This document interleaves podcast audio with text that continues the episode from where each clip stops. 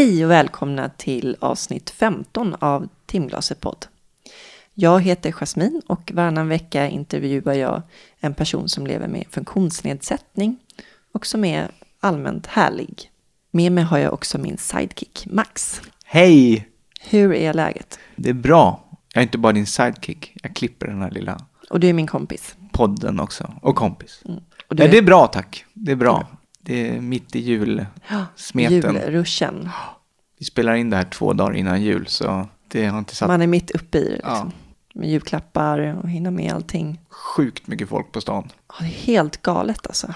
Man märker att det är många som har ledigt så här dagen innan julafton. Så bara att komma hit tog betydligt längre tid än vad jag hade räknat med. Det här är årets sista podd. Ja, det blir det.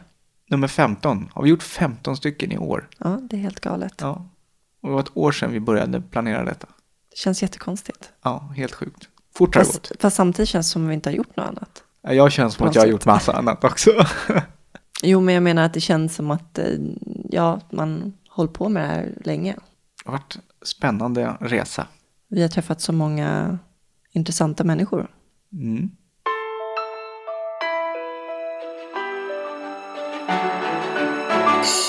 Idag ska vi träffa Nina som bröt nacken när hon var 17 år och blev förlamad från axlarna och ner och eh, kan dessutom inte andas själv utan får hjälp av en så kallad respirator som är en andningsmaskin.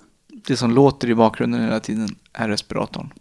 Men det har inte hindrat henne från att eh, leva livet och göra en massa roliga, spännande saker som hon kommer berätta om. Hon är bland annat beteendevetare och kognitiv terapeut och driver två företag och har skrivit självbiografin Bara jag kommer hem. Hon ger en mycket energi när man träffar henne. Det här avsnittet görs i samarbete med Atlas Assistans som erbjuder personlig assistans skräddarsydd till dig. Han som startade firman sitter själv i stol och är ryggmärgsskadad sedan många år tillbaks. Har de en hemsida? Atlasassistans.se Och här kommer Nina.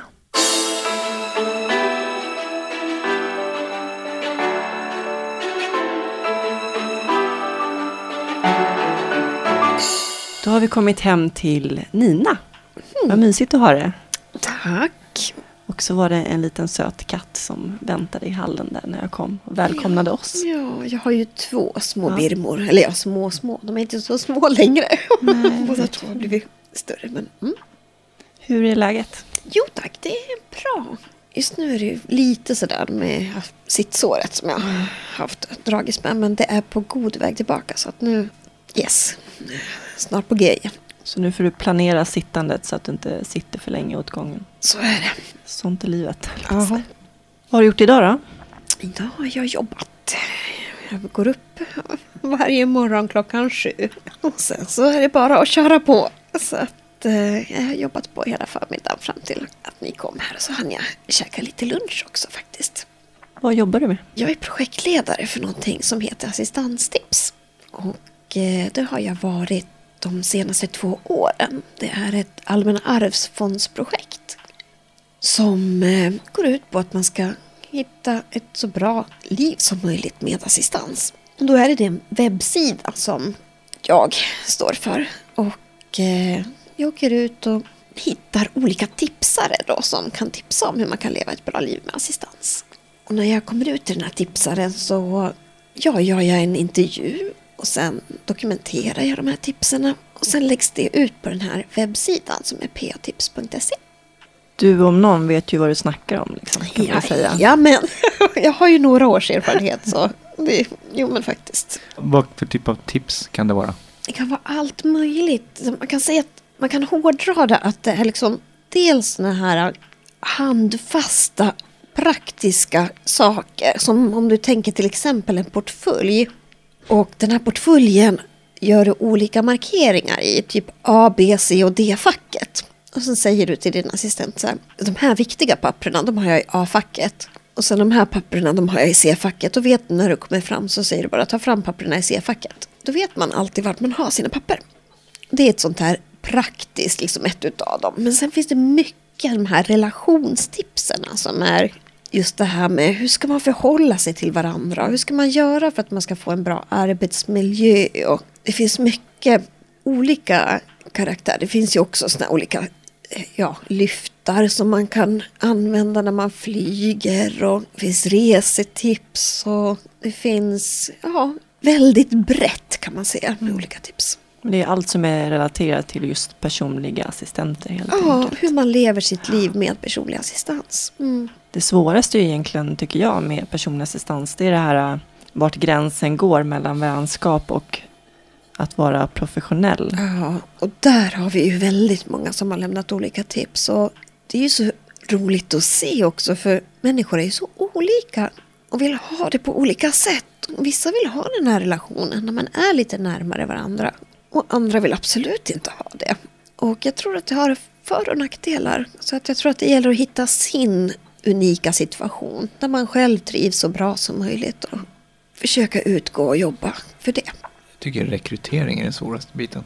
Där har vi också jättemånga tips hur man rekryterar på bästa sätt och hur man gör. För det är också sådär att ja precis, hur ska man göra och vad är viktigt att ställa för frågor när de kommer och vad ska man tänka på? Så, så där finns det också en väldigt bred, eh, ja, olika antal frågor med hur man ska kunna göra. Jag tror vi kommer komma tillbaks lite mer sen till assistans för det finns så mycket att prata om. Men eh, jag tänkte vi skulle ta allting från början. Ja, okej. Vart eh, kommer du ifrån och eh, vart är du uppvuxen? Jag är född och uppvuxen här i Västerås. Ja, så här har jag befunnit mig i stora delar av mitt liv. Man kan säga att dagis, det var här i Västerås. Och jag kommer ihåg när jag gick på dagiset där, då brukade fröknarna kalla mig för Solstrålen. Eftersom att jag allt som oftast var på bra humör. Det är du fortfarande. Ja, ja men inte alltid, men ofta. Så ja, det var här någonstans på dagis. Och sen när vi blev lite äldre. Jag, jag känner att jag skulle behöva byta respinställning. Kan vi ta ett litet avbrott här? Absolut. Kommer någon? Ska jag ropa? Ja, kanske. Kan någon komma? Respinställningen på natt. Så jag bara känner så här. Uh, jag var ingen, jag var ingen luft.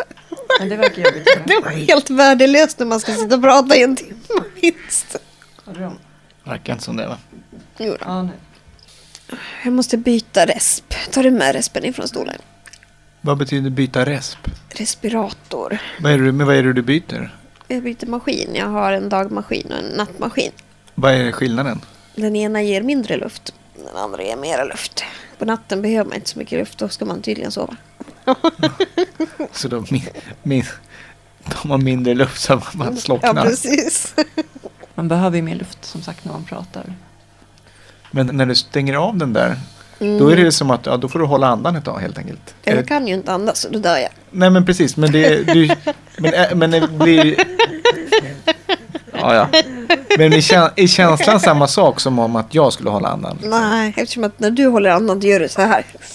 Så drar du ett andetag. Och sen, men det kan ju inte jag det bara göra. tvärt, liksom. Mer liksom Men det måste ju finnas reservbatterier och allt sånt där i de där, eller hur? Om strömmen Ja. skulle gå. Liksom. Ja, det finns ju ett det batteri. Jag sitter. Det gör det. Så det måste ju finnas safe backup liksom ifall något händer. Ja, det är därför jag har mina assistenter. De är liksom min safe backup. Ja, det kan man lugnt säga. Då måste de kunna hjärt och lungräddning och sådär, eller? Ja, jag har utbildningsprogram för det. Mm. Så, snart har jag syrat upp mig med syre. Så. Ja, du får säga till när du är redo att fortsätta. Ja, vart var vi? Vi var på... Din uppväxt, Ja, dagis, precis, dagis. solstrålen. Där var vi. Jo, och faktiskt inte så långt därefter så bestämde sig mina föräldrar för att vi skulle flytta till Australien. Ja, det var precis innan vi skulle börja skolan, min bror och jag. Och min farbror hade gått bort och han bodde i Australien.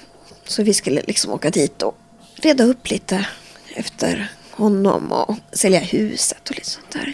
Så vi sålde rubb och stubb och sen drog vi. Hur gammal var du då? Ja, då var jag ju fem. Det var ju häftigt att komma till ett helt annat land och se koalor och dingos och du vet, allt det här med krokodiler och ah, Vilken upplevelse, vilken Kängurur. förändring. Ja. Men hur var det att lämna tryggheten i Västerås med vänner och allting? Vår familj är lite så här. Min mormor och morfar är också lite nomader.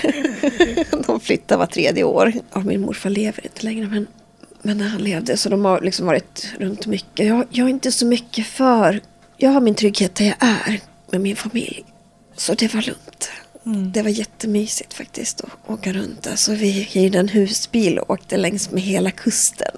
Och borta en tre månader längs med kusten. Och skaff, ja, vi bodde i det där huset och blev jättegoda vänner med grannarna där. Och jag skaffade en katt och lärde mig engelska innan jag lärde mig svenska för övrigt. Ja, så jag pratade ju ingen svenska på den här tiden. Nej. Nej. Så att det är som att jag har en finsk bakgrund. Båda mina föräldrar är ju från Finland. Pratar ni finska hemma då förstås? Jag pratar finska med min pappa och eh, svenska med min mamma. Började du i skolan Nej, då? precis. Så vi Eller? flyttade tillbaka när Jonny skulle börja skolan. Min storebror. Hur, hur länge var ni där då? Ja, lite över ett halvår. Till pengarna tog slut. Och sen, och sen tog vi oss tillbaka.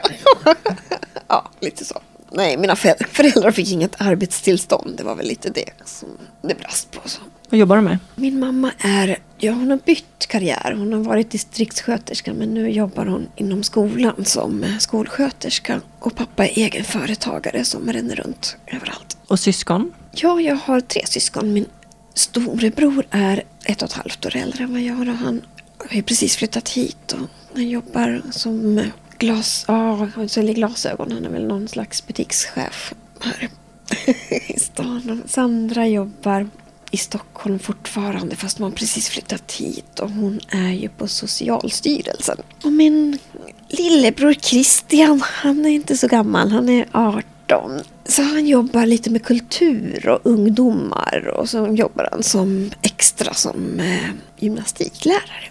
Tillbaks till skolan. Ja, den började jag då i Kolbäck för då flyttade vi från Västerås och kom till lilla Kolbäck, den här lilla byn där.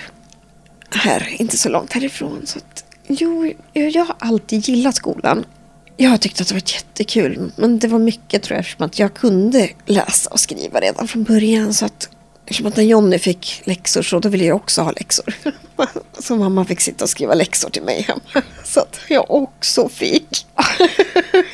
Du vet, man ska ju börja i tid. Men hur gick det med språket då med tanke på att engelska var... Nej men det som var grejen det var väl just det att jag började i en svensk klass utan att kunna svenska. Inte ett ord. Det verkar ju jättejobbigt. Det tog väl en tre månader. Och sen började det liksom. Det var klart alltså. Det, jag har ju fått många fördelar märker jag med det. För att jag, just det här med språk och lära sig. Jag har, jag har ett Du har lätt. språköra. Ja, jag tycker att det är roligt också. Så att, eh, ja nej, jag, jag tyckte om skolan. Var du poppis? Ja. Kanske var lite spännande att få en ny klasskamrat som kom från Australien och sådär. Man Jo, tyckte alltid sen- sånt var spännande liksom när man gick Ja, men sen var det nog mycket det. Jag lekte ju mycket med min brors kompisar. Ville de ha någon som gjorde något äventyr, då skickade de mig. De visste att jag sa aldrig nej. Sådär. Och ifall de trodde att jag skulle säga nej, då sa de så här, Nina, du vågar inte. Och då bara, jag vågar visst!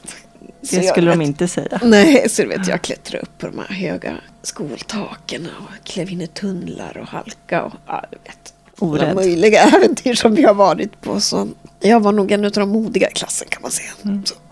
Vad hade du för intressen, fritidsintressen? jag har alltid älskat idrott. Mm. Så jag började med simning när jag då gick ettan. Så simmade jag på ett tag och så började jag med fotboll. Och sen bytte jag till friidrott. Och, sen började jag rida förstås. Rida har jag gjort sedan jag jag var sex. Och så blev det lite basket efter det. Och, ja, ja, Ja, men basketen, då var det väl på elitnivå, var det inte så? Ja, basketen spelade jag ju damlaget sen när jag blev lite äldre. Mm. Nej, jag älskade basket. Ja, verkligen. Alltså, det är sådana här snabba uppspel och det hände mycket. Och det var en stor del av, mitt liv. Så basket, eh, ja, idrott överlag och, och eh, läsa. Det är också ett intresse som jag har haft. Teater höll jag på med i många år. Det började tidigt också. Jag har varit med i många uppsättningar. Så jag känner så här, vad har du inte ja, gjort eller varit intresserad av? Ja, jag, Jasmin, det är nog mindre. Alltså, jag, jag, jag, jag, tycker ju om att prova på. Ja. Jag är så nyfiken av mig fortfarande. Är det någon person som har betytt extra mycket för dig under din uppväxt? Alltså, det har ju varit mina vänner som har varit viktiga. Om jag tänker så. Mina nära vänner. De har varit väldigt betydelsefulla. Och familjen? Ja, familjen naturligtvis. Hur är sammanhållning? Har ni alltid haft bra sammanhållning i familjen? Nej, det har vi nog inte haft. Det skulle jag väl inte påstå. Utan efter olyckan, det var liksom då som vi började svetsa samman. Jag tänker så här, om inte olyckan hade hänt då hade inte jag varit i Sverige idag. Jag hade inte liksom alls haft de familjebanden till min familj som jag har nu. När du var 17, då åkte du som au pair till London. Ja. Vad fick dig att göra det? Ja men du vet, också ett infall sådär. Jag bara, nej nu måste jag förbättra engelska betygen. Jag tyckte jag låg lite lågt liksom. Så att jag åker till England och så är jag där i tre månader. Så kommer jag tillbaka och, och bara glänser. Men hur var det då? Eh, åkte du själv till eh, London? Då, som? Jajamän. Mm. Tänkte nu ska jag stå på egna ben. Här ska jag minsann klara själv. Så Hur var familjen du hamnade hos? Ja, det var ju det som var lite tragiskt faktiskt. För att jag kom till en väldigt trasig familj. Mamman hade precis skilt sig och barnen hade haft massor med au pairer. Så de var ju...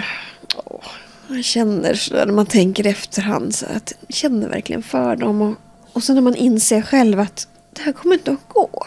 Alltså jag kommer inte att klara det här. Mamma fick sina utbrott liksom. Och hon skrek och en gång så knuffade hon ner mig för trappen. Men gud vad hemskt. Och då kände jag så Det här, måste du ju ha anmält. Man är ju så det liten. Nej, nej, utan jag, Tonåring liksom. jag bara ringde hem till en av mina kompisar och bara Jenny, Jenny jag orkar inte, jag klarar inte det här. Jag, bara, jag, jag måste komma hem. Och så kom jag ihåg att vi pratade med varandra. Och men jag ringde ju aldrig hem till mina föräldrar och talade om hur det var. Men sen fick jag tag på en annan familj. De var helt underbara. Jättefina. Och så hade de en liten buspojke. Så han Hur gammal tre, var han? Ja, tre år. En liten rödhårig liten tott. Och ja, det var så, det var mysigt. Alltså vi, jag fick lära mig alla konstens knep för att övertyga honom om borsta tänderna och du vet, allt sånt där. Ja, Det var jättemysigt. Hur levde du livet där då? Ja, där levde jag livet med mina au pair-kompisar. Jag hade några vänner som jag hade träffat där borta. Och eh, ja, så en dag träffade jag några killkompisar där borta. Och eh, sen bestämde vi oss för att vi skulle gå och lyssna på den här konserten. Och den här konserten den var i Kew Garden. Kew Garden är en stor botanisk trädgård. Och eh, efter konserten så hade vi, vi hade lyssnat på musik och vi hade ja, tagit ett glas vin och ätit kex och ost och du vet sådär. Jag har haft mysigt. Så då frågade de om jag ville följa med och bada. Och jag bara, why not? du vet, varför inte? Ja, varm, ljummen kväll så tog vi oss till ett ställe som var som en konstgjord sjö. Och de hoppade i före och en av killarna som var rätt så lång hade vatten ända upp till liksom bröstet. Och då avgjorde jag djupet genom att liksom kolla av ungefär. Och sen skulle jag dyka. Det var bara det eftersom att det var en konstgjord sjö så var det inte lika djupt grävt överallt. Så att där jag dök, där var det inte särskilt djupt. Så där slog jag i och bröt nacken. Och det blev en rejäl smäll. Vad tänkte du då? Var du vid medvetandet? Ja, det var jag. Och jag tror att om jag inte hade varit det, då hade jag inte överlevt. Jag tänkte så fort jag kom upp till ytan var min första tanke, nu är jag bryter nacken. Du förstod det alltså? Ja. Och mina killkompisar började ju leta efter mig. Eftersom att jag inte dök upp på en gång. Och sen när, jag, när de fick upp mig så sa jag ju det till en utav dem att jag, jag bryter nacken. Och de fick ju panik. Och eh, eftersom att det här var ju ingen offentlig badplats. Utan det här var ju liksom omringat med staket. Så fick de, ja, de fick panik och började ju släpa ut mig därifrån. Och de drog ju mig över det här halvmeter höga staketet och la mig på en stentrapp. Vilket man absolut inte ska göra egentligen. absolut inte. Så att när jag låg där på trappen då helt plötsligt kände jag att jag känner inte min kropp. Jag kände bara tyngden av huvudet och då tänkte jag att nu, nu är jag illa ute. Hur långt... Eh, kände du någon smärta förresten? Inte just då, inte vad jag minns. Smärtan var ju precis när jag smällde i nacken, alltså när jag bröt nacken. Där kom den. Men sen tror jag att man hamnar i någon slags, jag vet inte. Min kropp började ju tappa i temperatur. Jag hamnade ju i chock och det här minns jag inte så mycket men, men det- är klart att jag måste ha haft en smärta. Men alltså det, för att jag tror att det är för svårt att orka minnas tillbaka. Alltså, smärtan har varit så kraftig så att kroppen har på något, slätt, något slags sätt lagt av. Liksom nu, det går inte att orka tänka tillbaka. Skyddsmekanism. Och vad hände sen? Ringde de efter ambulans? De ringde efter ambulans och den ena killen stannade kvar hos mig och den andra som sagt tog dit en ambulans. Och, och sen så, Kunde du andas då eller? ja, ja, annars skulle jag ha dött. Men hur kommer det sig att du inte kan det nu?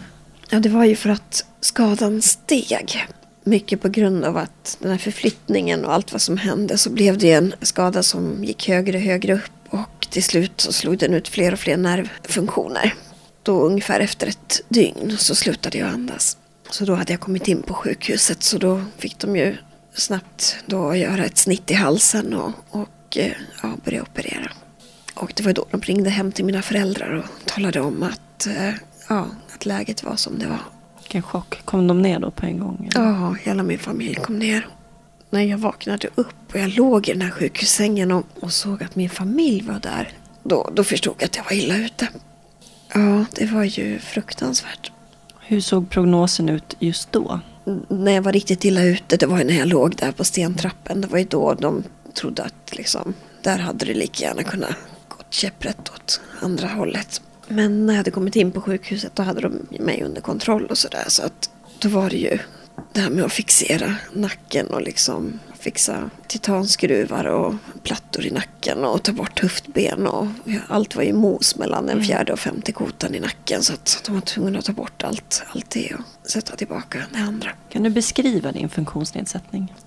Ja, alltså jag har funktion lite i axlarna kan man säga. Och eh, just att jag kan dra lite, ja, använda axlarna lite, lite grann så. Men för övrigt så är jag förlamad från axlarna och ner. Och jag har ingen egen spontanandning. Utan det innebär att jag har en respirator som pumpar in luft dygnet runt i mina lungor. Hur är det med känsel? Jag har bara känsel här uppe vid axlarna och uppåt så om man säger. Men sen har jag en annan slags inre känsel som är svår att beskriva. Jag, kan, jag känner om jag gör illa mig. Min katt bet mig till exempel häromdagen. Och det känner jag. Mm. Vart då någonstans? I armen. ja, han är helt tokig i ull. Tokstollen. Och då råkar min arm vara där under. Aha, okej. Men nu var du i London, Mm. låg på sjukhus. Hur länge blev du kvar där då? Det var en vecka som jag var kvar i England då när de gjorde det liksom mest akuta och, och så. Och sen bestämde de att jag skulle kunna förflytta mig till Akis i Uppsala. Så då fick du åka ambulansflyg? Ja, precis. Tillsammans med mina föräldrar. Det låter ganska snabbt efter. Ja. Ja, de hade nog tänkt att det skulle varit längre men så vet jag inte vad det var som gjorde men det var en vecka och sen var jag på väg. Sen låg du på sjukhus i nästan ett år. Ja, det stämmer. Hur gick tankarna då kring livet och framtiden? Och... Så jag svävade ju mellan hopp och förtvivlan kan man säga. Verkligen. Så att från början var det ju liksom hoppet det här att ja, men det, här är bara, det här är bara ytterst tillfälligt. Jag tänker, jag tänker ha det så här en liten kort tid. Sen tänker inte jag ha det så här längre. så tänkte jag. Kanske var ett sätt att överleva också. Ja, ja, men visst var det det. Annars skulle jag nog inte ha orkat. Och sen när det här, jag tänker inte, när det liksom inte försvann. och det inte blev bättre. För det var ju flera som vi skadade och samtidigt flera personer. Så att jag såg att andra fick ju funktioner tillbaka. Och de pratade ju om det och sådär. Och så kände man, ah, du vet. Hopplöst. Ja, väldigt hopplöst sådär. Och det var tufft emellanåt. Samtidigt som jag har liksom alltid haft min optimistiska läggning på något sätt som jag tror har räddat mig många gånger. Att jag har liksom kunnat se att, ja, ja, okej. Mm. Eh, men då är det så här, okej, då gör vi så här. Så att jag byggde upp lite reservplaner och, och lite sådär så att jag kände att livet skulle kunna funka kanske ändå. Så vad var, hur tänkte du då? Nästa steg liksom? Det beror på från när. Mm. Men jag förstår att du kände mycket sorg också såklart Ja, under ja. den tiden. Oh, ja. Hade du självmordstankar? Inte när jag låg på sjukhuset. Inte under den tiden. Det var liksom... För där var det så himla mycket med allt ändå. Liksom så, ja, det var klart att det var vissa dagar som jag bara, nej men nu, nu skiter jag i det här. jag äter inte lunchen längre, jag har slutat äta. Så, så man, ni behöver inte ta in den där maten, jag skiter i det. Och då visste de ju vad de skulle göra, då skickade de min pappa. Okej. Vad gjorde han? Vad gjorde han? Han kom med så här smögen sabb. Så. Jag bara, Det går ju inte, vad ska jag säga? Okej då. Jag tar väl den då. Ja, så då, då fick det väl gå en dag till då.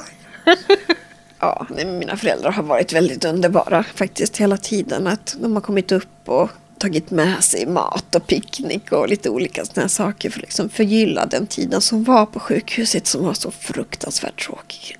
Ja, det är klart det är det. Herregud, mellan de där fyra vita väggarna och en grå korridor. Och, Ja, ja precis. mm. Nej, så att det där med självmordstankarna det kom nog inte förrän sen när jag mera flyttade hem. Liksom. När du insåg att Ja, this is krocken, it. Liksom, här, ja, krocken blev så stor. Är det så här livet kommer vara? Ja, jag skrev ju en bok som heter Bara jag kommer hem.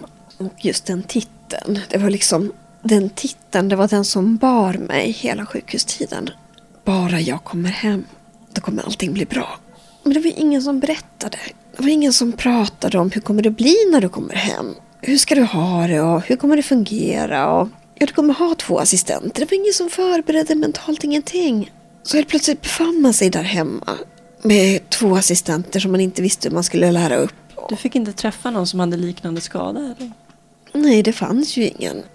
Hur ser det ut nu då? Finns det någon Jo, nu finns, nu har vi, jo, det fanns en kille i Stockholm men, men han, ja, jag vet inte riktigt. Ja, men i alla fall så. Mm. Då helt plötsligt så var man ju där i vardagen och det var, ja det var tufft. Och sen samtidigt hade jag ju mina liksom tankar. Jag hade ju tagit studenten precis, alltså på sjukhuset. Jaha. Så att jag hade pluggat under det året som jag låg på sjukhuset. Så att jag tog studenten samtidigt med mina klasskompisar. Så att... Det är ju grymt imponerande. Men det kanske var ett bra sätt att fördriva tiden på också. Att, Ja, det var ju helt nödvändigt för mig med mina, du vet, att ha någonting att göra och liksom fixa så att man känner att man kommer vidare i livet. Och, så att eh, jag hade en fantastisk eh, lärare och de ställde upp och kom till skolan och sådär. Det, det kändes som verkligen. det måste ha varit en viktig milstolpe ändå. Ja. Liksom, att klara av att nu har jag faktiskt tagit studenten trots Ja, allt. ja men visst att kunna komma vidare. Att nu kan jag söka till högskola om jag vill det. Så att du, nu är det inget som stoppar. Så att det var, ja, det var viktigt, väldigt viktigt. Så hur tog du dig vidare från det här äh, svarta? Ja, det var tufft. Det måste Hur långt säga. gick du med självmordstankarna? Ja, det var ju också sådär i perioder. För ofta var det ju liksom när saker och ting hände, när det krockade med livet. När min assistans krockade med livet. Det var då liksom som det blev så jobbigt. När jag inte kände att jag kunde i alla fall inte leva. Jag kunde inte leva mitt liv. Då kände jag att då var det inte värt det. Och då kunde jag hitta på saker. Planer. Ja, det yttrade sig på många olika sätt. Men hade det funnits en väg ut, om man säger så, som det gör idag. Det finns en väg ut, att man kan välja, att man kan avsluta sitt liv. Då hade ni inte suttit här med mig idag. Och hur ser du på det nu då? Tycker du man ska ha rätten att kunna... Alltså jag tycker att Välja. det där ska vara väldigt, väldigt restriktivt. Faktiskt. Och jag tycker att det ska vara någonting som man inte kan ta som ett beslut över liksom, en månad eller en vecka. Utan det måste vara någonting som man återkommer till. Eftersom att livet ständigt går upp och ner i allas liv. Ofta så är det bra men ibland så är det inte det. Och då tror jag att man behöver liksom en lång tid på sig för att kunna ta ett sånt här beslut. Så att jag är väldigt negativt inställd till den här dödsdebatten där man ska kunna liksom... Och ändå är det så många som vänder sig till Dignitas för att få hjälp. Ja. Till vad då, sa du? Dignitas som ligger i Schweiz. Mm. Det är en självmordsklinik. Jo, det förstår jag eftersom att det inte finns något bra alternativ heller. Så att det här är ju en debatt som måste upp tycker jag. Det är ju en väldigt viktig debatt. Och jag hade inte heller suttit här idag kan jag säga. Nej, Jag bad ju min mamma att hjälpa mig. okej. Och det gick ju så långt att hon tänkte på den där äh, vagnen som kom in varje morgon med tabletter. Att hon skulle sno några successivt. Liksom. Tills hon bestämde sig för att hon hade fler barn, hon hade barnbarn och för hon funderade på att ta sitt liv också. Oh, just i början där, liksom, när man kände den här frustrationen och inte visste hur livet skulle bli. Sen är man ju glad över att man tog sig igenom den, den svarta sorgen. Ja, Liksom. men visst, absolut. Bad du någonsin någon i din familj om hjälp? Ja, Vem då? min storebror. Hur reagerade han? Han bara skakade på huvudet. Och så grät vi. Mm. Och när du inte fick eh, hjälp av honom, tog du det vidare ytterligare då eller? Ja, jag hade kontakt med en person på nätet faktiskt som jag mejlade med. Men sen när jag förstod att han visste vem jag var, då blev jag rädd. Varför var det avgörande? Att, Nej, för jag ville inte att jag var ju en väldigt offentlig person. Och eh, jag mådde ju allt som oftast bra. Så att det var ju liksom inte det att mitt liv var tyngt av sorg alltid. Men det var när de här tunga stunderna kom. När det bara inte gick att få vardagen att fungera. Då kände jag som vanmakt. Och eh, då ville jag inte att det här skulle ställas i fel perspektiv. Därför valde jag mig att dra tillbaka liksom, kontakten när, när han visste vem jag var. Men, men vad var det för typ? Jag har ingen aning. jag vet Ja, inte. Jag har inte, unders- också, jag har inte undersökt saken vidare. Och jag har inte mailadressen kvar. men hur, hur hittade du honom då? På nätet. Ja, men du liksom sökte dödshjälp eller? Alltså jag kommer inte ihåg exakt vad jag skrev. Men jag, jag fick tag på en karl som ville hjälpa mig att ta livet av mig. Ah. Mm. Det är ju ganska läskigt Ja. att man kan bara googla på nätet och få hjälp att dö. Liksom. Ja. Det är ju faktiskt skrämmande Ja. egentligen. Fanns den personen här i Sverige? Alltså det är ju en sån komplex fråga. För jag kan också tycka att, att det är klart att man ska kunna välja om man vill leva eller inte. Mm. Det är väl en rättighet som alla borde få ha. Ja, men, Men- samtidigt, samtidigt- måste man få hjälp. Ja, det är det jag känner. Precis. jag har inte fått hjälp. Nej. Och Vem, vem får då det, tänker jag. Vad fick dig att vilja leva då? Alltså, det var inte det att jag inte ville leva. Det var det som var grejen. Mm. Utan det var de här Det praktiska. Ja, inte... det praktiska och de här tunga dagarna som var ibland när det bara inte funkade Mm. och när jag kände att nu är det inte värt det. Jag hade liksom någon slags fin lina som jag balanserade på och där det allt som oftast höll näsan ovanför vattenytan. Men när jag halkade nedanför så kände jag att nej men det här går inte. Berätta vad det är som händer när det inte funkar. Det som händer när det inte funkar det är till exempel om jag då helt plötsligt på morgonen blev väckt av ett samtal och någon säger att din assistent är sjuk. Du har ingen som kan komma in. Och eh, det är det som blir svårigheterna när inte backuperna är tillräckliga. När det inte finns människor runt omkring och när man inte har någon slags pool att ringa till och helt plötsligt så står man där i en förtvivlan där man inte vet. Alltså, okej, så att det kommer inte komma någon person vilket innebär att ja, om respen lägger av eller om jag får en helt plötsligt en slemmansamling i halsen så då kommer jag kvävas och dö. Då blir man beroende av sina närstående istället. Jag har aldrig tagit den Det steget eller? Nej, för jag, jag vill inte vara beroende av min familj på det sättet. Jag var det första året med mamma och sen har jag vi kommit fram till att det går inte helt enkelt. Det går inte. Så att de kan inte vara den backupen för mig. Men vad gör du då, då när en assistent är sjuk? Och vad händer då under dagen? Ja, alltså nu har ju jag dubbelassistans och eh, det, jag behöver ju få tag på två personer. Om- det kanske finns en person som inte är kvalificerad, det är så här svåra termer som jag kommer in i, men det innebär att den inte till exempel kanske kan suga, den kanske inte kan pumpa Rubensblåsan, den kanske inte kan min apparat och så. Ja, då innebär ju det att jag är väldigt utelämnad till att så fort någonting händer så finns ju risken att jag kan dö. Berätta lite om, om din assistans. Du, du, du har ett eget assistansföretag. Ja, Du jag driver driver halva själv. min assistans själv. Och sen köper jag in hälften. Så att från början så hade jag hela min assistans själv. Och det var ju då jag var i de här situationerna där det var så himla tufft. Och eh, då hade jag 12 personer anställda. Så som tonåring så fick du Mm, börja driva ett företag med 12 anställda. Ja, samtidigt som jag pluggade heltid. Hur fick du ihop det? Liksom? Ja, hur fick man ihop det? Jag har ingen som helst aning om hur jag klarade det när jag tittar tillbaka så här. Men jag vet ju att jag låg ju många nätter och grät av förtvivlan för att jag inte visste hur det skulle bli. Men ja, på, på något sätt så fick vi till slut igång en diskussion med kommunen om hur det här skulle liksom fungera. Och de försökte på olika sätt få till det och göra någon slags backup. Och, och till slut så faktiskt började det rulla på och fungera. Att jag fick en, ett stöd ifrån dem. Och då valde jag att eh, liksom anlita dem mer och mer. Och till slut så la jag över halva min, eller inte halva, för jag la ut den i väldigt små etapper till Västerås. Så att Västerås hade en backup till mig så att de byggde upp en liten pool. Vikariepool. Ja, precis. Och det är ju också sådär i och med reformer och vad som händer. Det är så mycket osäkerhet hela tiden. Så att ja, man, man lever i ovisshet det kan jag säga. Hur känns det? Jag lever periodvis med stora rädslor. Och det är ju det här med hur pass mycket, hur pass länge kommer jag kunna leva ett bra liv och hur pass...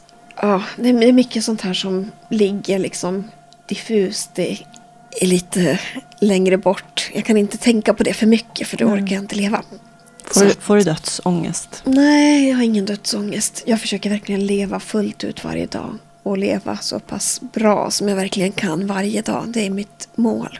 Men sen när det kommer till, som nu när det var en omprövning, nu kommer det snart bli en omprövning av assistansen igen då. Om ja, hur det kommer att bli med den här basen ifrån kommunen och de här delarna. Och det är då det dyker upp. Det är då liksom de här, ja lite ångestsymptomen börjar komma. Så att, eh, ja, jag håller i schack ända tills det är liksom, då, då bryter jag ihop. Du har ju klarat dig i några år om man säger så. Jag menar, du var 17, nu är du 30. Ja, ja, ja, inte så noga. 30 plus kan man väl säga. Ja, jo, jag har väl suttit i stol i snart 18 år. Så. Ja, det är otroligt ändå. Ja, det är några år. Men du har folk som sover här på nätterna och... Nej, nej, de är vakna. Ja, ja. ja. Ja, dygnet runt. Så att eh, det är personalrummet som är dörr i dörr. Eller vägg i vägg här. Mm. Nu har du två på natten också. Ja, det har jag. I början när du fick eh, assistansen och sådär, för att jag hade ju väldigt svårt att hantera den. Och det var min mamma som klev in och, och tog rollen som någon slags arbetsledare. Och jag, jag kunde inte mäkta med att avskeda någon eller sådär, för jag tyckte det var för personligt och jobbigt. Och hur, eh, hur fann du dig i den rollen så? Hade du... Så jag tror jag tog den på något sätt liksom. Det bara, jaha nu är det så här. Och så fick jag liksom, jag har inte behövt avskeda personer så där heller. Det är klart att det har hänt liksom, men det har varit väldigt ovanligt. Nej, jag vet inte. Jag tror, jag tror att mycket på grund av att jag har ju ändå min mamma som administratör. Och hon är ju liksom med. Så att vi har ju personalmöten en gång i månaden. Och vi har ju liksom olika träffar och olika sådär. Och att hon alltid har funnits med så tror jag att det har varit, det har nog en liksom hjälpt mig. Så att jag har ändå varit den som har, jag har alltid bestämt hur jag vill ha det men, men jag har alltid kunnat bolla med henne. Men så var jag ju lite äldre än du också. När jag skadade mig. Har du något tips som du kan ge till om det ligger en ny skadad person där på sjukhuset och lyssnar på oss och kommer bli beroende av personlig assistans? Hur ska man tänka? Jag tror att det är viktigt att eh, på något sätt just dels hitta de här stunderna som vi sa. Att vara lite själv. För det är de man kan ladda upp och liksom orka. Och eh, sen att man på något sätt kanske... För i början, i alla fall för mig, så var det ju så att jag hade ju så oerhört svårt att acceptera att jag skulle ha hjälp. Jag ville ju verkligen inte det. Jag ville ju själv. Och sen när assistenten kom och gjorde, det var som att det var som att slå på sig själv för att det var, det var så plågsamt att jag själv inte kunde. Man var ju så utelämnad. Ja, det var ju det också. Så att på något sätt att i den här eländessituationen ändå hitta en bra relation till den personen som, som ändå är assistent. Där tror jag man har nyckeln. Men det är ju oerhört svårt.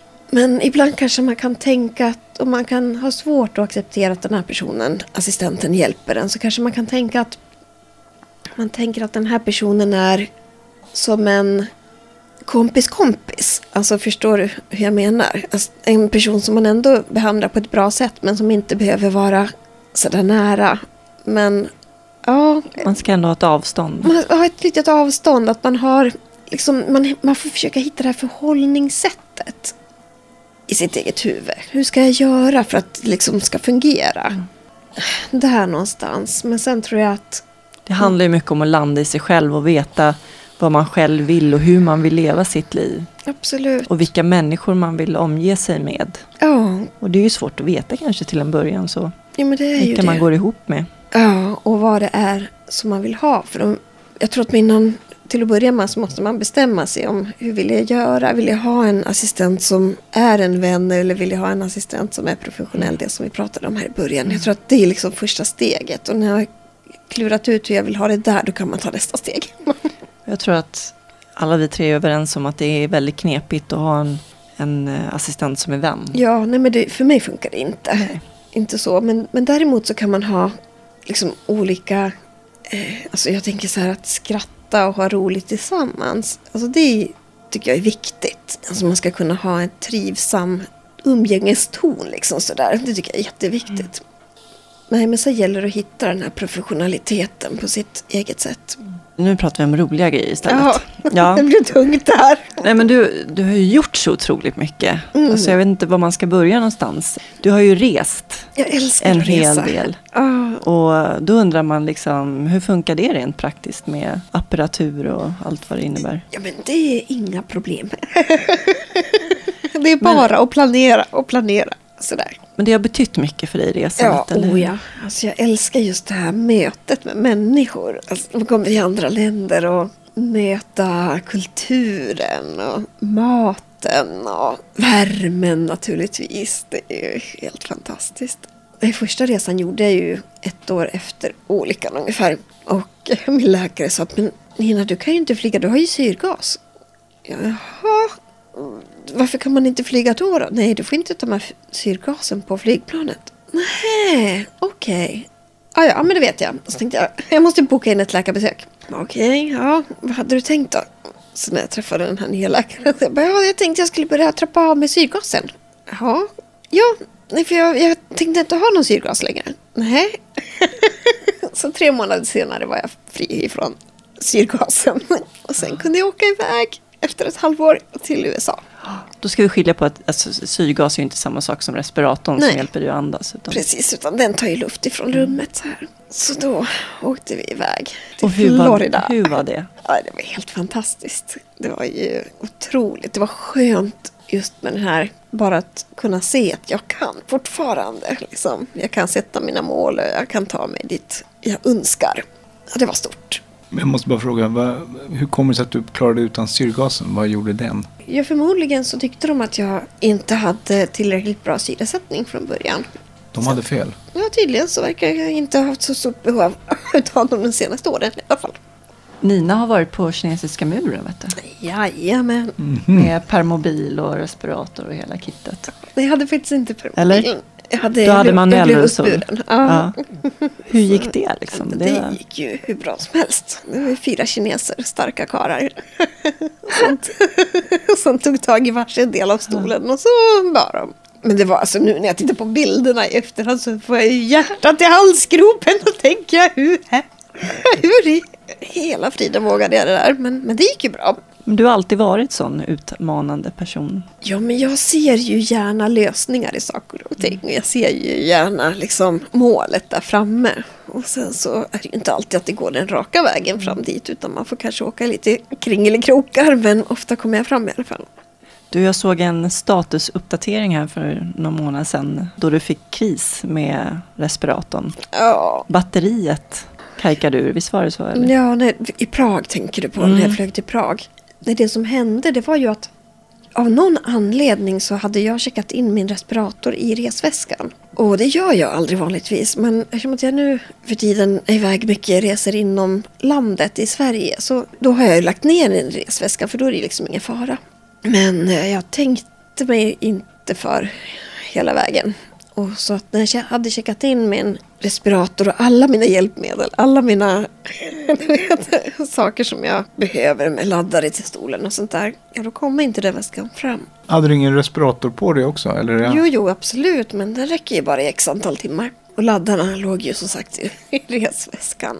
Så att, eh, nej, det var ju, ja det var riktig panik där när jag kom fram. Jag fick räkna ut att, okej, nu, nu är det kväll och imorgon bitti när jag vaknar så har jag eh, 17 timmar på mig att avgöra om jag ska vara hemma i Sverige om 17 timmar eller om jag kommer kunna ordna hit allting på 17 timmar innan röstbatteriet var slut. Och hur löste det sig? Ja, det, då började jag räkna lite baklänges och sen så ringde jag 36 samtal till Sverige och då var grejerna där en halvtimme innan batteriet tog slut. My God. Där snackar vi om living on the edge alltså. Det gick bra. Ja, men du hade ju bra argument att få dit grejerna också.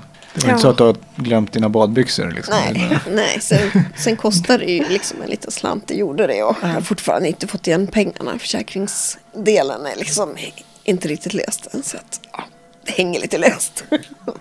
Men det gick. Ah, ja, men du reste och fick nya krafter höll jag på att säga. Mm. Jo, men just det här med att Mm. sätta upp mål och Ja. liksom börja planera och, och så. Så att målsättning har jag ju liksom jobbat med mycket. Och sen utbildade du dig till beteendevetare och kognitiv terapeut. Ja, precis. Det stämmer bra. Vad fick dig att göra det? Beteendevetare var det nog från början för att jag hade ju tänkt att jag skulle bli jurist. Men sen kände jag lite mer så att, men vad tänker jag liksom med livet framåt? Och jag ville ju på något sätt kunna hjälpa människor. Det var liksom mitt mål efter olyckan. Och då kände jag att nej, jag tror att beteendevetarbanan passar bättre. Så det var den som tog mig liksom dit. Och och jag hade ju Mälardalens högskola rätt så nära ifrån där jag bodde också. Så att det gick enkelt att ta sig till skolan och sådär. Sen när jag blev färdig så började jag praktisera lite. Så jag var lite på ledningskontoret där i Västerås på kommunen och var runt och sen började jag tänka att nej men jag tror jag ska plugga lite vidare. Och det var då jag valde att fortsätta till kognitiv terapeut. Det var väl just för att få lite mer redskap och kunna liksom, hantera olika samtal och så. Och så det var väl så jag tänkte just med den delen. Sen jobbade jag ju några år som lärare så att jag var på Rebeckianska gymnasiet och hade såna här livskunskapskurser. Det var ju fantastiskt roligt, verkligen. Just att kunna liksom, ha de här treorna som jag hade och prata om livet och hur man kan tänka och hur sätter man mål och hur ska man göra när man hamnar i en argumentation med sina föräldrar och hur kommunicerar man och hur får man fram det man vill. Och, ja, det var jätteroligt. Så det höll jag på med i tre år. Hur tror du att de såg på dig med din funktionsnedsättning? Många sa ju att det här var den bästa kursen de hade haft i hela skolan. Under hela sin skolgång. Och då kände jag så här, åh, alltså, det var jätteroligt att höra så. Men jag känner att det måste ju finnas mera liksom diskussioner i skolan och sitta och tänka lite grann också. Vad ska man med skolan till? Du besitter ju en erfarenhet som inte många andra gör. Så. Nej, nej så de var väldigt glada, tror jag. Jag sa ju också till dem att de fick gärna fråga om det var någonting liksom så. Så att eh, det, var, det var aldrig något problem. Alltså de tänkte nog inte på det mycket mer än att jag i början berättade en del. Du har också hållit på mycket med mindfulness. Mm. Tror du att det har varit ett viktigt redskap för dig just att stärka den mentala biten eftersom att du inte har det fysiska? Liksom? Mm. Ja, men det tror jag på.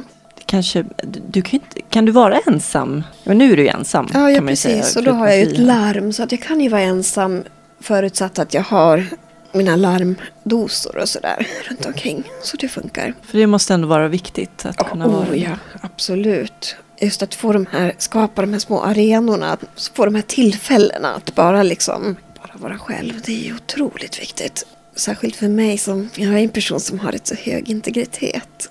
Som, ja, behöver vara själv. Vad betyder integritet för dig? Det betyder att jag kan få vara i mitt eget. Bara för mig själv.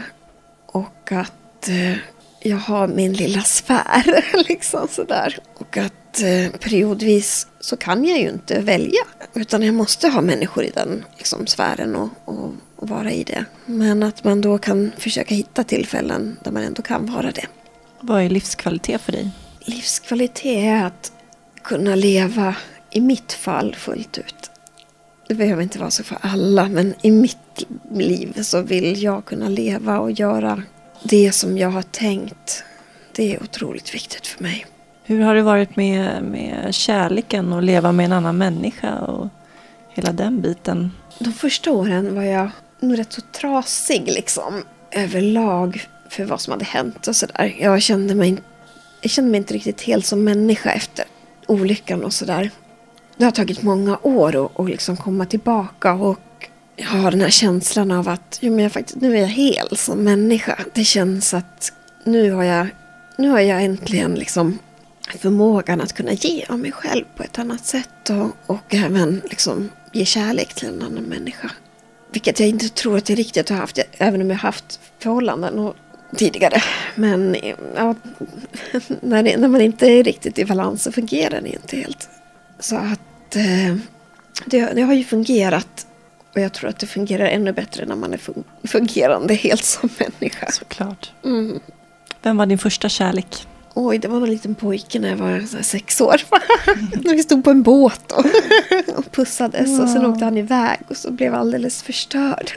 nej, nej, mamma han åkte. ja, det var den första. Oh, Barndomskärlek. Ja. Det var tidigt? Sex år? Jag var tidig. tidig med allt. Mm. Levde du i någon relation då i samband med olyckan? Ja, det gjorde jag. Jag hade precis lämnat honom kan man säga. För att jag åkte. Så att eh, vi hade varit tillsammans ett tag så. Men sen när jag kom hem liksom, det var det var inte aktuellt så. Utan ja, vi hade sagt, vi hade gjort slut liksom. Så. Mm. Mm. Jag tänkte tillbaks till det här med din roll som terapeut och sådär. Tror du att man får mer förtroende för dig på grund av din bakgrund, dina livserfarenheter? Det tror jag att man kan få. Samtidigt som jag tror att man kanske typ till en början blir lite rädd. Att man kanske får liksom så här, hjälp, vad, vad kommer det här innebära? Och jag brukar försöka vara noga med att beskriva att om det är någonting du undrar över så är det viktigt att du frågar. Jag vill ha en transparens. Alltså att man, det, du, det som pågår i ditt huvud måste du kunna ställa till mig för att jag ska kunna förstå. Och och att jag även berättar liksom det som rör min funktionsnedsättning för att den personen som kommer ska kunna förstå att oj, helt plötsligt kan Nina få svårt med andningen och då måste jag ha hjälp. Och, men jag kommer snart tillbaka. liksom just sådär att man får förklara förutsättningarna runt omkring. Jag tänkte på det här också med, med stöd, just att man får så dåligt stöd i samband med olyckor och så att man inte får hjälp. Eh, och det är ju samma sak för våra anhöriga. De får ju inte heller någon stöd. Hur, din familj, hur, hanterade de hela situationen? Alltså min familj blev ju helt bortglömd i det här. De har ju inte fått något stöd, ingen hjälp alls. Så att det tycker jag är tragiskt. För jag menar, det är ju familjen som på något sätt är det viktiga ankaret och som finns där för att liksom, hjälpa den som har råkat ut för det. Så att de behöver ju också stöd. Så jag tror att, jag vet inte, min, min kära familj. Mm. Nej men de har liksom, vi har ju pratat mycket tillsammans och liksom hittat varandra på ett helt annat sätt än vad vi gjorde innan. Jag tror att vi är mycket sådär allihopa, att vi lever för stunden och, och i det här och försöker liksom hela tiden känna liksom att ja, carpe diem, mm. fånga dagen. Det har liksom blivit sådär lite av vårt livsdevis. Men sen 2012, då kom du ut med din självbiografi, mm. Bara jag kommer hem, som du nämnde. 2010. 2010 var det? Ja, 2012 var ljudboken. Ah. Okay. Mm. Hur tänkte du när du skrev den? Så, vad ville du förmedla? Jag ville förmedla de upplevelser som jag hade haft. Perspektivet av att vara med om någonting som man aldrig hade trott ens var möjligt. Att man kunde bryta nacken och, och överleva trodde jag inte ens fanns på världskartan. Och eh, det här var väl någonting som jag ville förmedla dels till sjukvården. Upplevelserna och vad jag hade varit med om och, och hur, det, hur det var och kändes. Men också till människor överlag som har varit med om olika saker. Att det går att komma över saker och att eh, visa på den resa som jag har varit med om. Och kunna sprida det. Du skriver ju också ganska sådär eh, konkret vad som händer i chockstadier, vilka delar man går igenom. Nu var du ju inte utbildad till beteendevetare och kognitiv terapeut när du skadade dig, men tror du att du själv gick igenom de här faserna på ett sånt sätt som du beskriver i boken? Alltså jag beskriver ju lite grann i boken det här, dels hur man, hur man ska göra, eller liksom hur man brukar göra och lite hur jag gjorde. För att jag var ju inte alls en typisk eh, person som hamnade, för oftast så går man ju inte först i chockfasen liksom. Och sen är man vidare i reaktionsfasen och, och sen kommer man till bearbetningen. Och, och man hoppar liksom inte däremellan. Men för mig så upplevde jag, och sist i ny, ny fas, ny orienteringsfas. Men för mig blev det liksom att jag hoppade ständigt däremellan. Just på grund av att man hamnade i sådana olika konstiga situationer. Att man helt plötsligt så så var man ju där utan den här hjälpen och stödet som man behövde. Att man helt plötsligt kanske inte hade assistans. Och då hamnade man i kris därifrån början. Och det var liksom, nej för mig, jag tyckte inte att jag hoppade liksom från steg till steg till steg. Mm. Som, man, som man kanske gör i den psykologiska litteraturen. Utan nej, för mig var det lite annat får bara fråga, hur skriver du? Jag har flera olika sätt, men just då när jag skrev boken så då hade jag en sån här reflex på mina glasögon och sen hade jag en mottagare på datorn, sen ett alfabet på skärmen. Så när jag rörde på huvudet så hoppade det mellan olika bokstäver. Så du dikterar inte att någon annan skriver och du läser högt? Nej, men nu har jag massor med olika braiga sätt som jag skriver på. Så att, men, men då när jag skrev boken så var det väldigt långgående sätt och det tog väldigt lång tid. Du, jag läste mig till att du hade gjort en så kallad frenikusoperation. Ja, frenikusoperation. Frenikusoperation. Ja, precis. Ja. Tanken var ju helt plötsligt sådär när jag åkte till Göteborg att det verkade som att jag skulle kunna börja andas. När var det här? Det här var 2013 kan det vara det. Men det visade sig att det var inte riktigt så. Utan de trodde att de skulle få igång den här frenikusnerven genom att stimulera den. Berätta vad det är för nerv. Frenikusnerven går ner till diafragman som är den muskel som drar sig samman när man andas. Så att man kan säga att eh, det är den nerven som styr andningen. Och det, hos de allra flesta så liksom går den här impulsen av sig själv och man andas in och man andas ut. Men för de som kanske har skadat den så kan man sätta igång den. Att man gör en elektrisk stimulering, simulering och sen då får man igång andningen på det sättet. Att man med el kan få igång det. Men för mig så visade det sig att den var inte eh, fungerande i alla fall. Så att, eh, hade du förhoppningar innan? Ja, oh ja. Jag hade ju, en, jag hade ju ett hopp.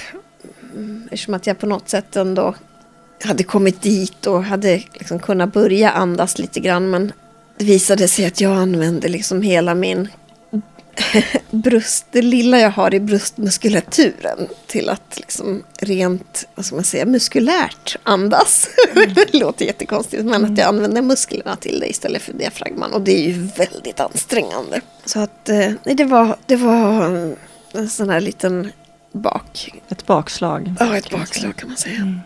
Men eh, ja, jag är ändå glad att ha utrönat om möjligheten. Så då vet jag det. Tror du att det finns någon möjlighet i framtiden att du kommer kunna andas själv? Så jag går inte runt och funderar på det. Nej. Jag känner att jag, jag har så mycket annat att fundera på. Jag måste ju planera var jag ska resa någonstans. Ja, vad blir nästa ja, resa ja, då? Ja, men det blir Barcelona. Ja, just det. Det sa du ju faktiskt. Ja. Så att eh, jag ska åka dit med min kusin och åka och strosa runt där. Gränderna. Så där ser ut. Du har ett eh, stort fotointresse också. Och haft fotoutställningar. Ja, jag har faktiskt haft två vernissageutställningar i Nykvarn här utanför. Jag älskar att fota. Jag tycker att det är så fantastiskt roligt. De här tavlorna som hänger här bredvid, det är mina, ah. mina foton. Hur gör du då, då? då? Då har du ju någon som gör allt åt dig. Då har jag en kamera som har en fjärrkontroll som jag kan styra. Och eh, den här kameran är en Olympus så har jag en arm på min stol. Så att jag liksom ställer in mig med stolen först. Då. Och eh, med hjälp av den här fjärrutlösaren kan jag fota. Så jag gillar då som ni ser på de här bilderna. Jag, ska ha, ja. jag vill ha lite så här liksom, lite ruffigt. Precis, jag tänkte precis säga det. det är lite så här ruffiga bilder. Ja, fast samtidigt ska det vara någonting liksom levande. Ja, mm. mycket detaljer. Något levande som Coolt. Har du alltid haft det intresset? Ja, sen jag var 15 mm. ungefär. Så jag tog ju med kameran där till England när jag var au pair. Fotar du mycket när du reser? Jag brukar göra det. Men alltså, tyvärr är det nu så när man har telefonen så är det så enkelt att liksom fota mm. med den och då glömmer man bort kameran lite. Så att det är lite på gott och ont det där. Och matintresse. Det har jag också. också. Jag tycker om att, att skapa nya rätter. Jag är en sån här som inte kan äta samma mat varje dag. Alltså, det går bara inte. Man, man pratar ju mycket om hur andra sinnen kan kompensera och ta över just när man har förlorat, som vi, så många funktioner. Men jag tänker i ditt fall kanske det är extra viktigt att känna smak och dofter. Och, tror Absolut. att det är så? Jo, men det tror jag. Och sen vet jag det där som du sa att man tar över. För mig så, jag har ju en otrolig förmåga med min hörsel. Att jag har lärt mig att lokalisera vart saker och ting trillar. Alltså så jag kan höra vart i rummet en, en sak som trillar, hur tung den är, ungefär vad det är för någonting. Sådana saker som man tror så här. Ungefär som när man är synskadad och Ja. inte ser någonting. Ja, det är rätt fantastiskt. Häftigt. När fick du beröm senast? Det var nog när jag satt i ett medarbetarsamtal här för en och en halv vecka sedan. Då fick jag nog beröm senast. Vad sa hon då? Att jag ger mycket feedback. Ja, det är ju jätteviktigt. Mm, så det var kul. Vad gör dig lycklig och vad betyder lycka för dig? Det är olika saker som gör mig lycklig. Till exempel kan jag bli lycklig utav det som vi pratade om nyss. Mat. När jag har skapat en maträtt och den har blivit sådär klockren så som jag hade tänkt det. Då kan jag bli lycklig. Jag blir lycklig av att vara med min familj och mina vänner. Ja, usch, det är så mycket som gör mig lycklig så jag vet inte, vi tar då nästa. Underbart att det är så mycket ändå. ja. Vad betyder frihet för dig? Frihet för mig innebär att jag när som helst bara kan välja att gå ut genom dörren och ta bilen och åka vart jag vill. Det är frihet. Hur tror du ditt liv hade sett ut om du inte hade skadat dig? Då hade jag levt i New York i en stor fastighet och domderat runt. I New York. Så hade det sett ut. Domderat runt. På vilket sätt hade du domderat runt då? Jag hade haft någon hög position. Något stort företag. Men det har du ju nu också egentligen, eller hög position, men du är ju chef. Ja, det är jag. Styr och ställer. I Sverige. Så att egentligen så, så men, med tanke på den personen du är så vem som helst hade ju inte klarat av din situation och, och styra upp livet så som du har gjort. Ja, nej.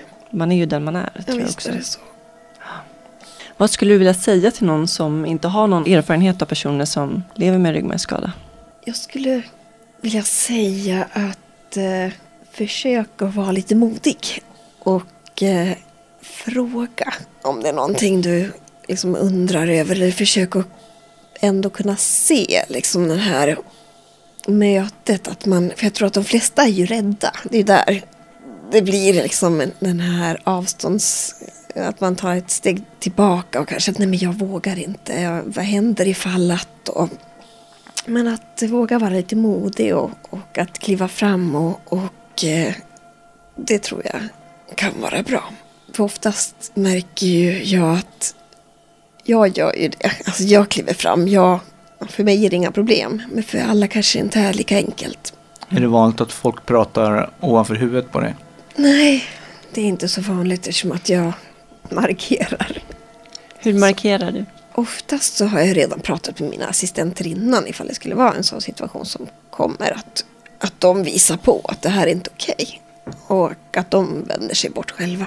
Så brukar det nog vara. Och eftersom att de flesta människor vet vem jag är, liksom här runt omkring i alla fall. Och så, så att då brukar de veta om hur jag vill ha det. Men däremot om man kommer till utlandet, om man reser till något helt nytt ställe. Där kan det ju vara något helt annat. Där får man ju hela tiden liksom visa på att det är jag som finns här. Det är mig du ska prata med. Så, så att där är det helt annat. Vad ska du göra ikväll? Ikväll ska jag vara barnvakt till mina brorsbarn. Så jag ska åka iväg till småtjejerna och ta hand om dem. Hur gamla är de? Eh, Den äldsta är två och ett halvt, snart tre. Och den yngsta är ett och ett halvt. Så du kommer ha fullt upp ikväll med andra ord. Jajamän. Tack så mycket Nina. Det var trevligt att få komma hem till dig Åh, här i Västerås. kul att ni var här.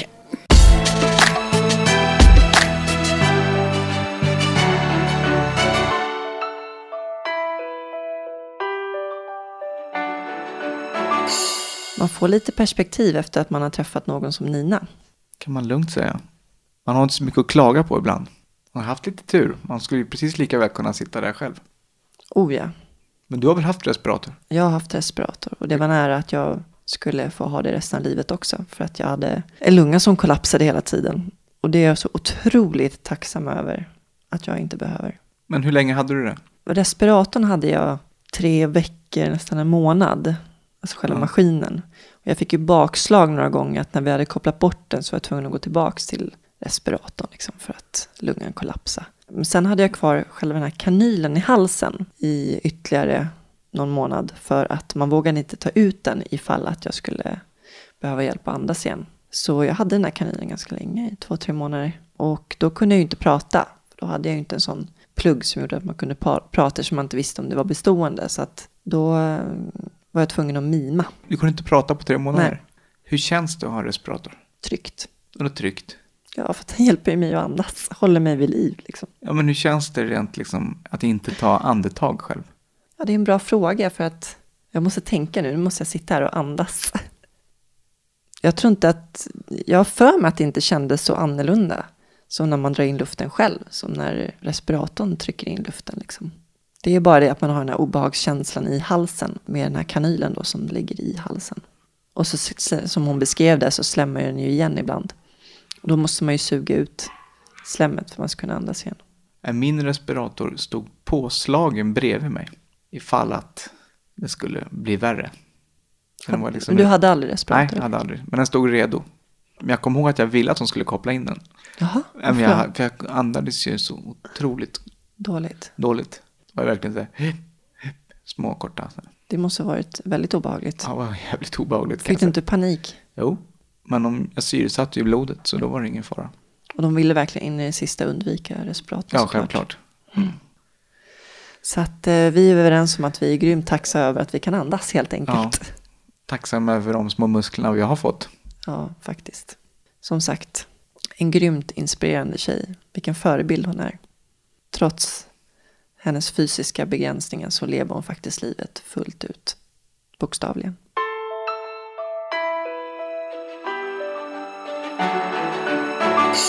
Det här avsnittet gjordes i samarbete med Atlas Assistans. Tack så mycket. Tack Atlas. God jul Atlas. God jul på er. Ja. I nästa avsnitt ska vi prata med Mohammed. Och han blev skjuten när han stod och skulle köpa korv korvkiosken i Tensta. Och eh, till följd så blev han amputerad ena benet och även, eh, vad kallar man det för, multitraumaskadad. Han har någon påverkan på ryggmärgen och i axeln och sådana här grejer. Han är faktiskt den eh, mest nyskadade personen som vi har haft i den här podden. Ja, det var ju bara ett år sedan. Ja, Och det hände mycket första året. det kan man lugnt säga. En kamp med myndigheter Det är nästa vecka och nästa år. Ja, precis. Nästa avsnitt publicerar vi den 9 februari. Gott nytt år på er. God jul och gott nytt år alla kära lyssnare. Vi hörs 2015. Tack för i år. Hej då!